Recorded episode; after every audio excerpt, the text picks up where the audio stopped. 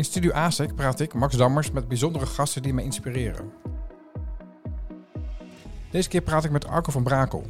Als schrijver, spreker en vooral ondernemer ging hij met zelfsturingsgoeroe Ricardo Semler de wereld rond. Was hij een tijdje directeur van het prestigieuze De Baak. En toen ineens werd Arco directeur van de regio Stedendriehoek. De regio formerly known as Cleantech.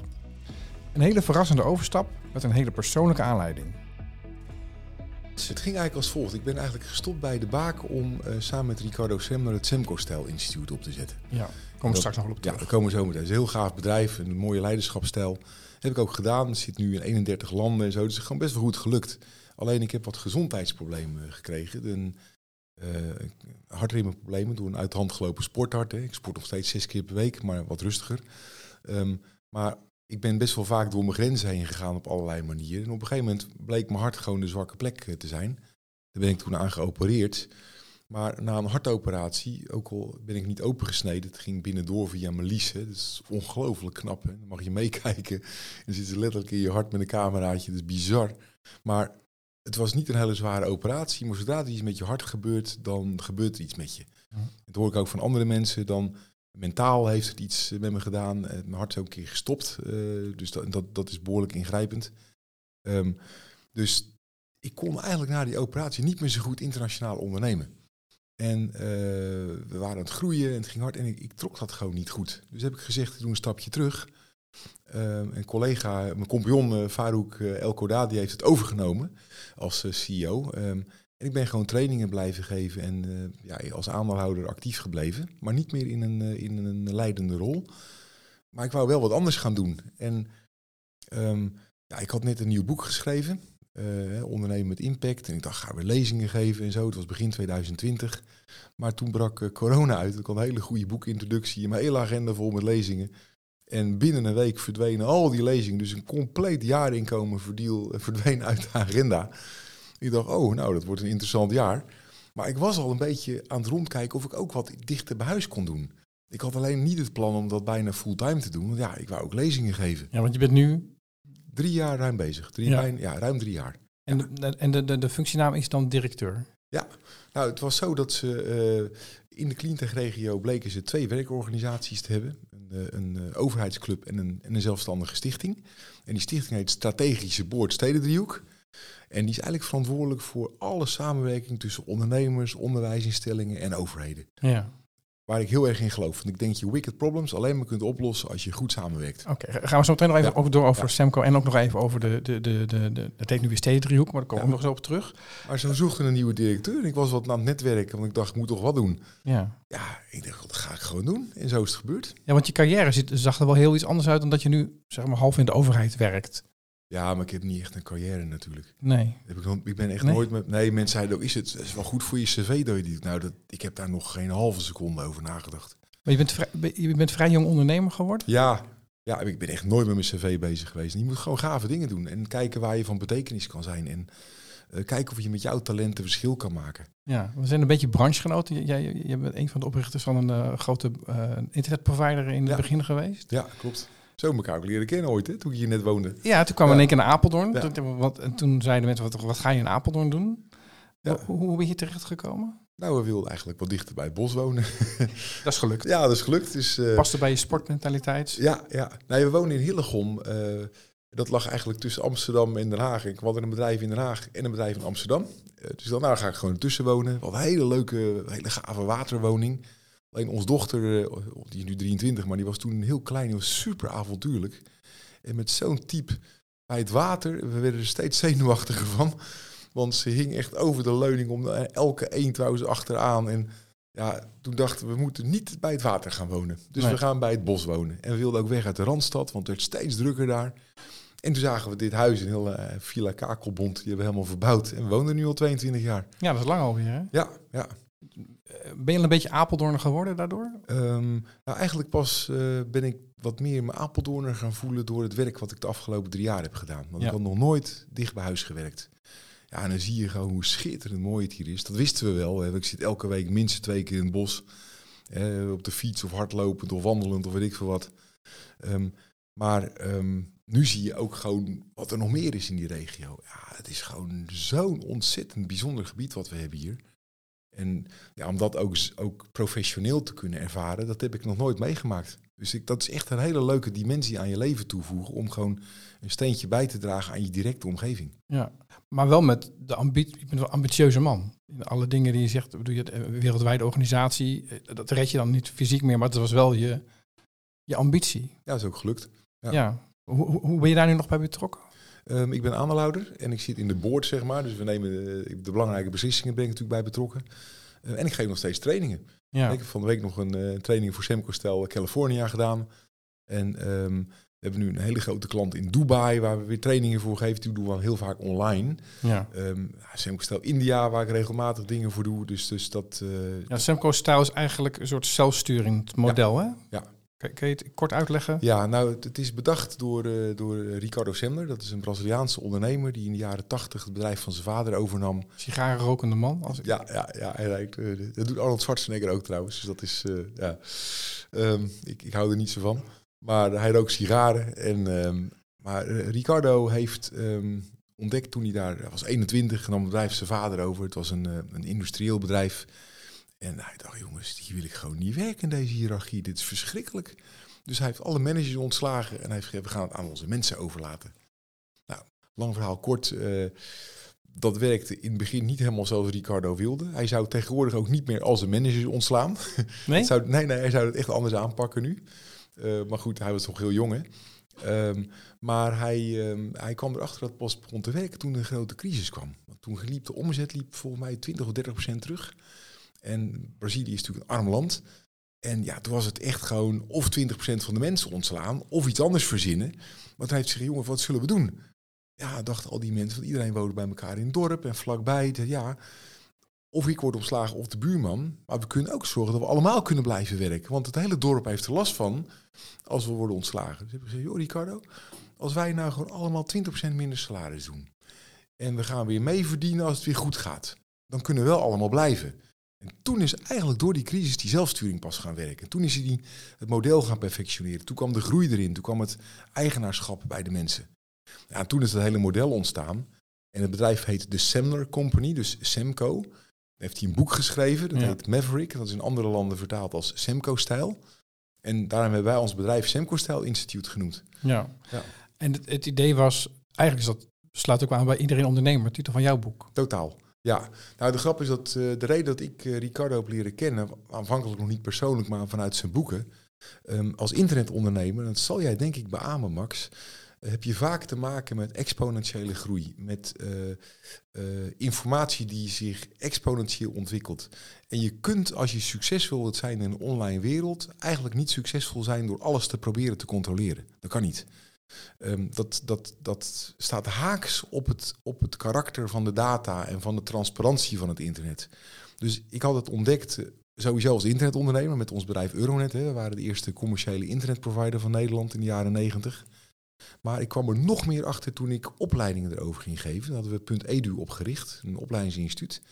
Ook in de jaren negentig. Toen ontdekte ik dat traditionelere ingerichte bedrijven, zoals banken, verzekeraars, de AWB, Delta Lloyd, KPN, die waren allemaal klant bij ons. Dus het was een heel succesvol bedrijfje wat we hadden.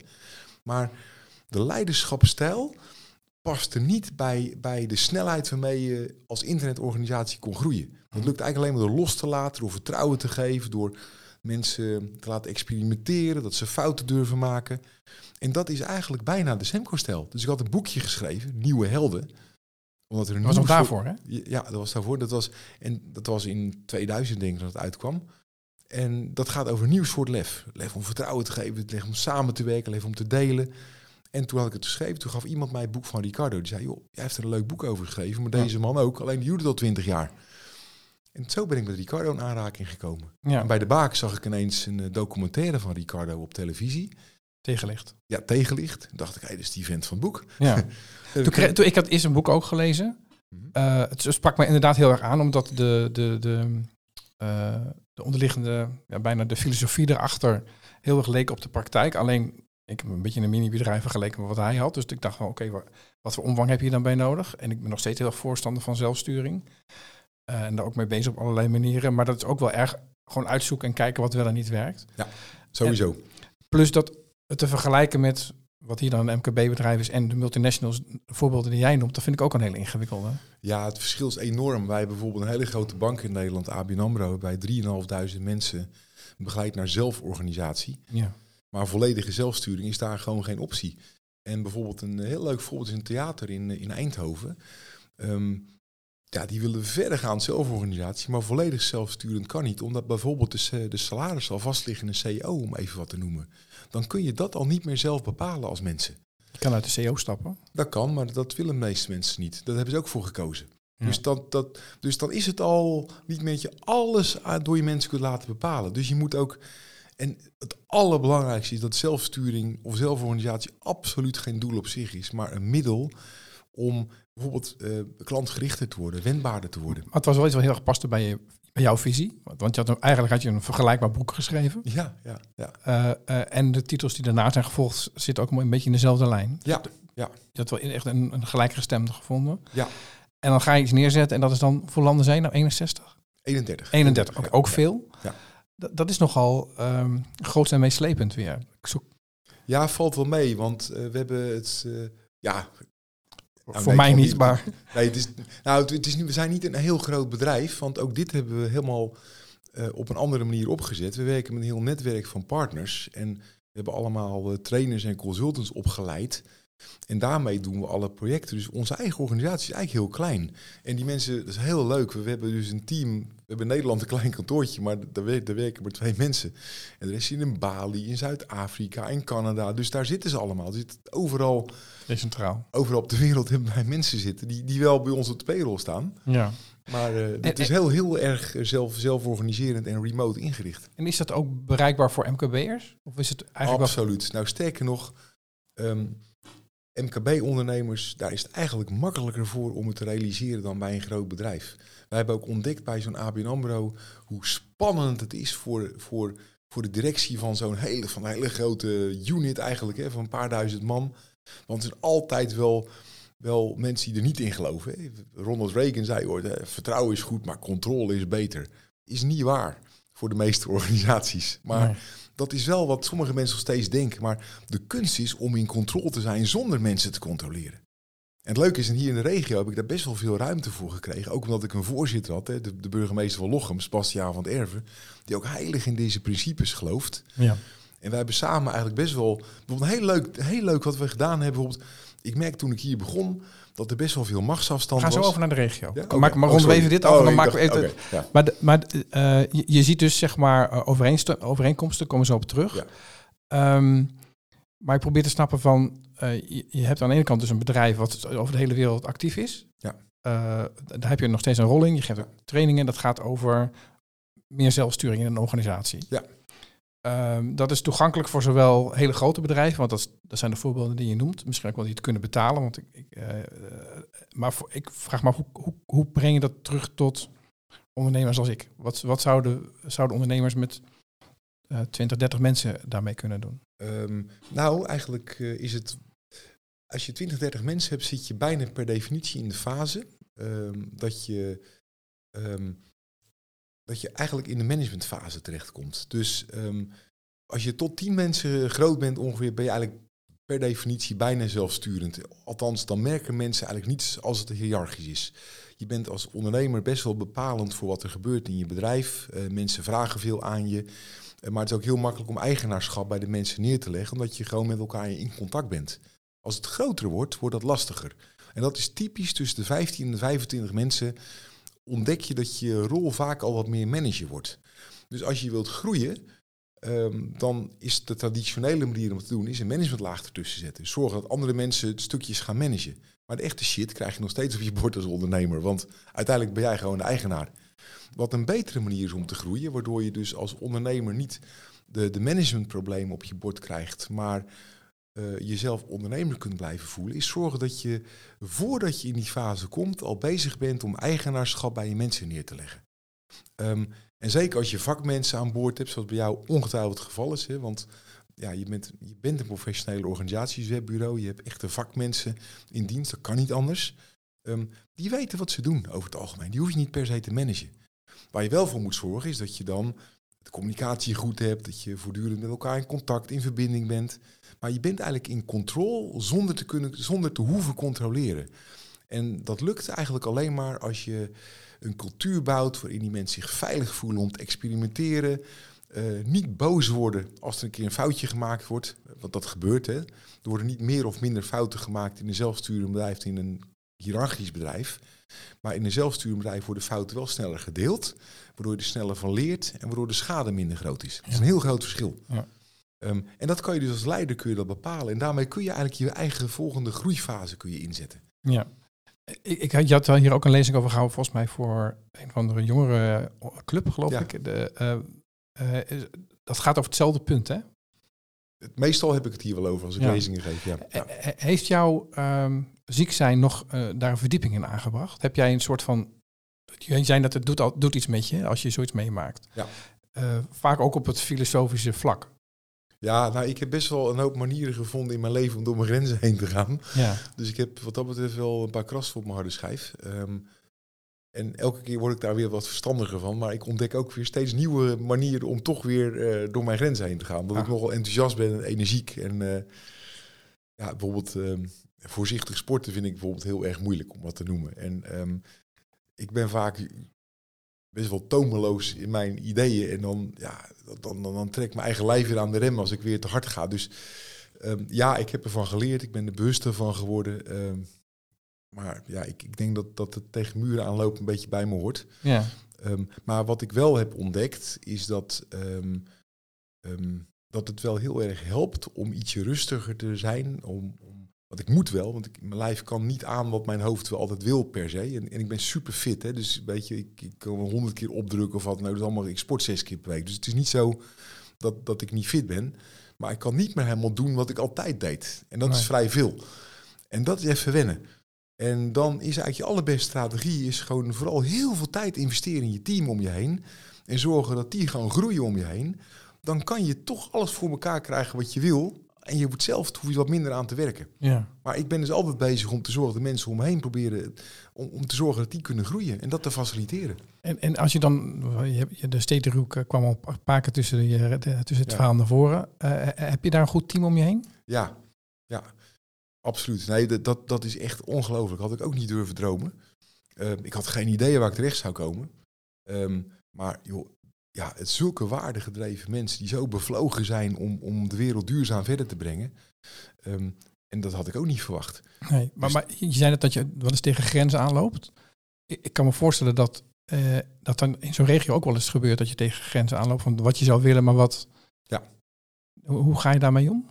Ja, er zijn heel veel manieren. Kijk, wat, wat ik eh, moeilijk vond toen ik hier kwam, was dat je. ehm, kijk, er, er waren. Hoe zeg ik dat even kort? Ehm, ik was, zoals ik zei, heel enthousiast over het fenomeen cleantech-regio. Ik Ja. vond het echt leuk. Ik, vond het, ik heb het altijd een moeilijke naam gevonden. Ik ook. Maar ik had toen die, die ik had alleen die ev- events had ik meegemaakt. Dat vond ik zo gaaf. Ik dacht, nou, als ze dit kunnen. Maar toen bleek eigenlijk dat die events best wel met heel veel geld waren neergezet. Niet helemaal echt, bedoel je dan? Uh, het was absoluut met de juiste intentie. De inspiratie was echt. Maar vervolgens de follow-up, dat vraagt om, een, om investeringen. En die hebben we eigenlijk niet gedaan. Want er was niet voldoende geld voor. Dus de ambitie was torenhoog. Ehm, maar door het Engels bijvoorbeeld, hè, dan heb je de mensen, de gemeenteraad in Zutphen krijg je al niet echt mee met Engelse termen. Oké. Even heel leuk, dat vind ik heel leuk, want ehm, ik, ik gebruik ook wel eens woorden als purpose, dat soort dingen. Nou, dat moet je hier gewoon niet doen in deze regio. Je moet gewoon klip en klaar in duidelijk Nederlands vertellen wat je visie is. En dat is super verfrissend, want het is eigenlijk veel leuker om een visie gewoon in normaal Nederlands uit te dragen, dan om altijd allerlei moeilijke woorden ervoor te verzinnen. Dus ik heb waanzinnig veel geleerd van deze rol. Ehm, maar dat Engels, dat had al geen draagvlak. De doelen, die waren extreem hoog gesteld. Ja. Hoger dan Europa. Ja. Eh, bijvoorbeeld als je zegt, Europa wil in 2030 voor mij de CO2-uitstoot halveren. Wij zeiden in 2023, dat is nu, nul CO2-uitstoot. Ja, dat slaat nergens op, want er was niets in deze regio, zowel financieel als qua industrie, als qua... Er, wa- er was nie- niemand die dat op een of andere manier kon waarmaken. Dus je, Dus haal je die doelen niet. dus je zijn knalde niet tegen je eigen grenzen aan, je knalde al, al aan tegen de grenzen die ze zelf hadden gesteld. Het waren doelen die totaal uit de lucht gegrepen waren, die geen fundament hadden. Ja. En als je doelloos bent, dan ben je richtingloos. En als je richtingloos bent, ben je stuurloos. En als je stuurloos bent, krijg je ruzie. Klinkt niet goed. Nee, en dat was wat er aan de hand was. Dus de ondernemers hadden geen vertrouwen in de overheid. De, de, de ondernemers hadden... eh, de, onze stichting had... Dat ging niet goed met, met, met, met de gemeentes. En toen dacht jij, dat is een leuke job. Nou, Dat- dat wist ik niet. Ik was heel enthousiast. Dat daar kwam ik pas achter toen ik net begon. Ja. En toen dacht ik, jongens, dit zijn allemaal goede mensen. Allemaal bevlogen, allemaal betrokken. En Ja. Die kunnen niet met elkaar... Oh, dat kan niet. Dus ik ben gewoon maar eens gaan luisteren naar iedereen. Ik ben met iedereen in verbinding gegaan. Ik ben met de GR, die, die gemeentelijke organisatie, gaan samenwerken. Wat is GR? Dat is de gemeenschappelijke regeling. Dat is eigenlijk een soort rechtspersoon die gemeentes samen kunnen opzetten. Dat heet- dus dat, dat wist ik ook niet. Dat heb ik allemaal geleerd. Ja. En die heeft een secretaris, dat is een hele leuke vrouw, dat is Ineke Leinema. En dan ben ik gewoon maar eens mee gaan wandelen.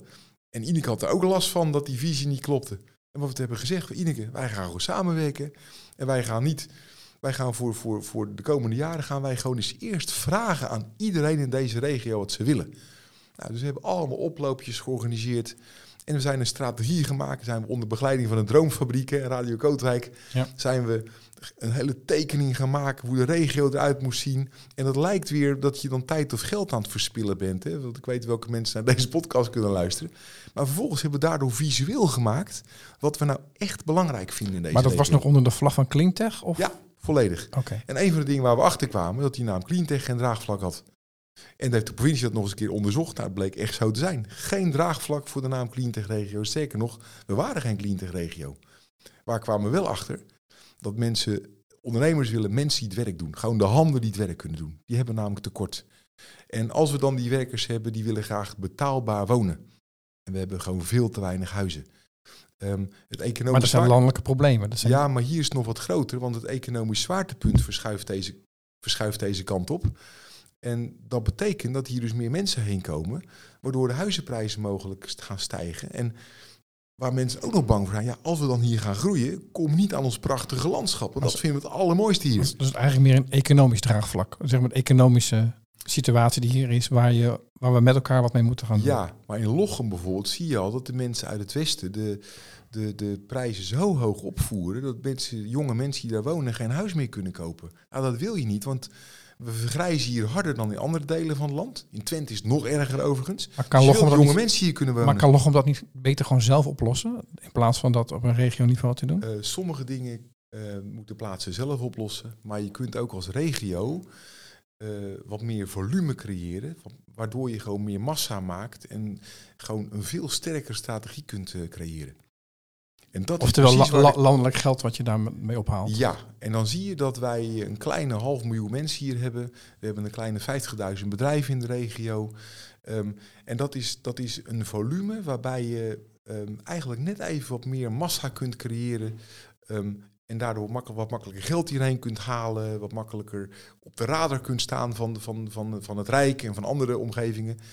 En als je daar dan ondernemers bij betrekt, dat hebben we nu ook gedaan, dan kun je ook echt gewoon een beweging op gang brengen. Ja. Dat is wat we hier gedaan hebben de Maar, maar, afgelopen maar jaren. even, want dus je kwam erachter, Cleantech was een eh, eh, goed bedachte term met een, met een heel meeslepend verhaal, maar het stond af van de werkelijkheid. Ja. Die naam is losgelaten. Ja, we zijn is, dat, terug jou- naar is, dat wat, jou, eh, was dat jouw idee? Ehm, niet mijn idee, het is eigenlijk wat we hebben opgehaald. eh. ik had zelf, eerlijk gezegd, was ik best wel enthousiast over die Cleantech doelen. Tot ik Ja. erachter kwam dat ze op niets gebaseerd waren. En ehm, waar ik achter ben gekomen is dat een regio runnen wel even anders is dan een bedrijf. Ja. Dus als ondernemer kan je echt nog wel zeggen, we gaan een bepaalde richting kiezen. Maar een regio niet, want je moet er namelijk voor iedereen zijn in de regio. Maar, maar hoe, hoe werkt het dan met, is dat, dan is er geen leiderschap? Jawel, absoluut. Maar het leiderschap waar ik ben vooral mee gaan inzetten. En daar heb ik gelukkig alle bestuurders enorm op meegekregen. Wat best eh, dapper is, want zij wisten ook niet hoe zou uitpakken. ehm, is gewoon is heel goed luisteren naar wat mensen nou werkelijk willen. En je eigen ego en je eigen ideeën soms even parkeren. En gaan doen wat mensen vragen. En nu zie je dus dat wij voor het eerst hier een agenda hebben gecreëerd waar iedereen achter staat. Kan je, kan je die kort samenvatten wat, Ja. wat, wat er nu is? Nou, waar we vooral op in willen zetten is, als we gaan groeien, eh, dan, eh, dan willen we dat op een duurzame manier doen. Want er is werkelijk niemand die hier uit zijn bed komt om de planeet te vervuilen. Echt niemand. Dus iedereen Duurzaam. duurzaamheid erin brengen. Ja. Maar dat is geen hoofddoel. Wij gaan zorgen dat we woningen neerzetten die, die betaalbaar zijn. En het moeten er voldoende zijn voor de mensen die het hier nodig hebben. En dat doen we duurzaam. Dus energie-neutraal, eh, nul op de meter. We gaan proberen de landbouwsector te betrekken bij het creëren van duurzame bouwmaterialen. En zo moet je dan denken. Eh, we willen inzetten op behoud van eh, dat, dat het hier prettig is om te blijven werken, ook voor jonge mensen. Dat vraagt iets van de bedrijventerreinen. Dat vraagt iets van de bereikbaarheid. Dat vraagt iets van het openbaar vervoer. Nou, daar moet je op inzetten. En dan hou je jonge mensen binnen. Maar dan moet je ook zorgen voor voldoende vermaak. Maar zijn we dan een regio vooral om landelijk op de kaart te staan met z'n allen? Of, of zit er ook iets in dat ik me verbonden met Lochem kan voelen vanuit Apeldoorn? Ehm, Ton Heerts, onze voorzitter nu van, eh, van, de, van de boord hè, van de regio, zegt heel mooi, eh, de brug over de IJssel in Zutphen is ook belangrijk voor Apeldoorn. En dat is precies hoe het is. Het is een heel mooi woord, en helaas een Engels woord waar... eh, wat, De brug over de IJssel is ook belangrijk. Klinkt een beetje als de bevrijding, zeg maar. Eh, ja, bijna wel. Het is, Ja. ook, het is ook bijna een bevrijding, deze eh, movement. Nee, Ja. nee, zond alle gekheid op een stokje.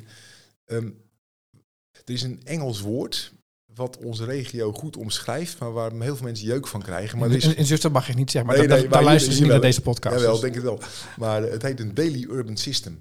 Wat je eigenlijk ziet dat er heel veel afhankelijkheden zijn tussen de diverse plaatsen in de regio. En eh, Lochem eh, zit bijvoorbeeld, eh, heeft best wel veel te maken met, met, met, met Zutphen en met Deventer. Er zitten voortdurend zitten daar verbindingen tussen. Ja. Apeldoorn, Deventer, Apeldoorn, Zutphen. Er zit ontzettend veel interactie.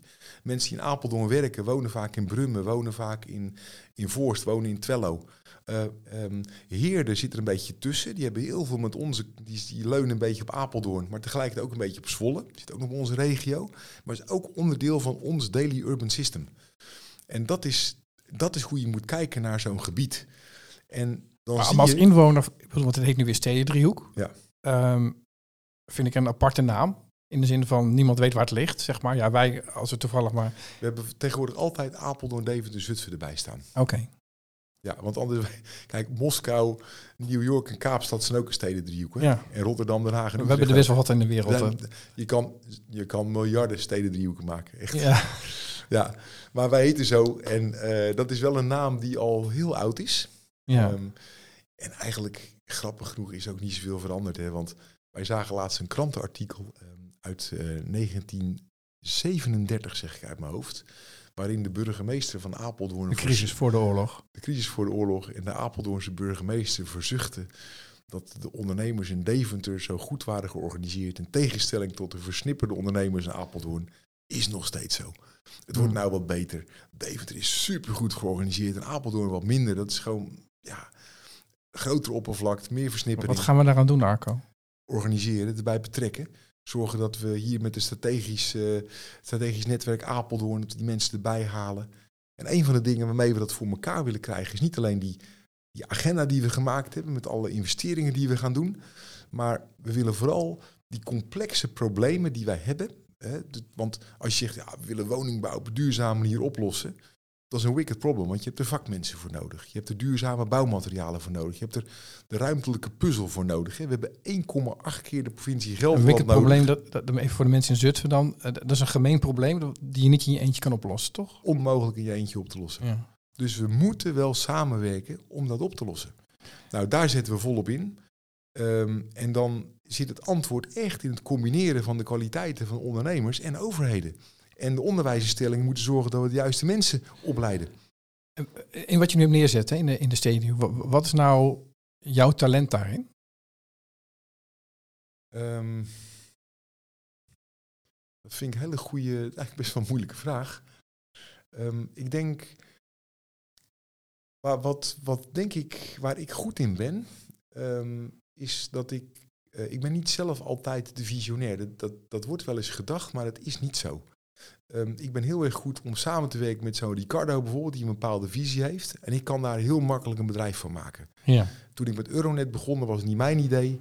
Simon, mijn compagnon, had het idee. En ik kan van iets visionairs, daar kan ik chocola van maken. Dat ik daar iets van kan maken, wat een bedrijf wordt, wat, wat andere mensen snappen.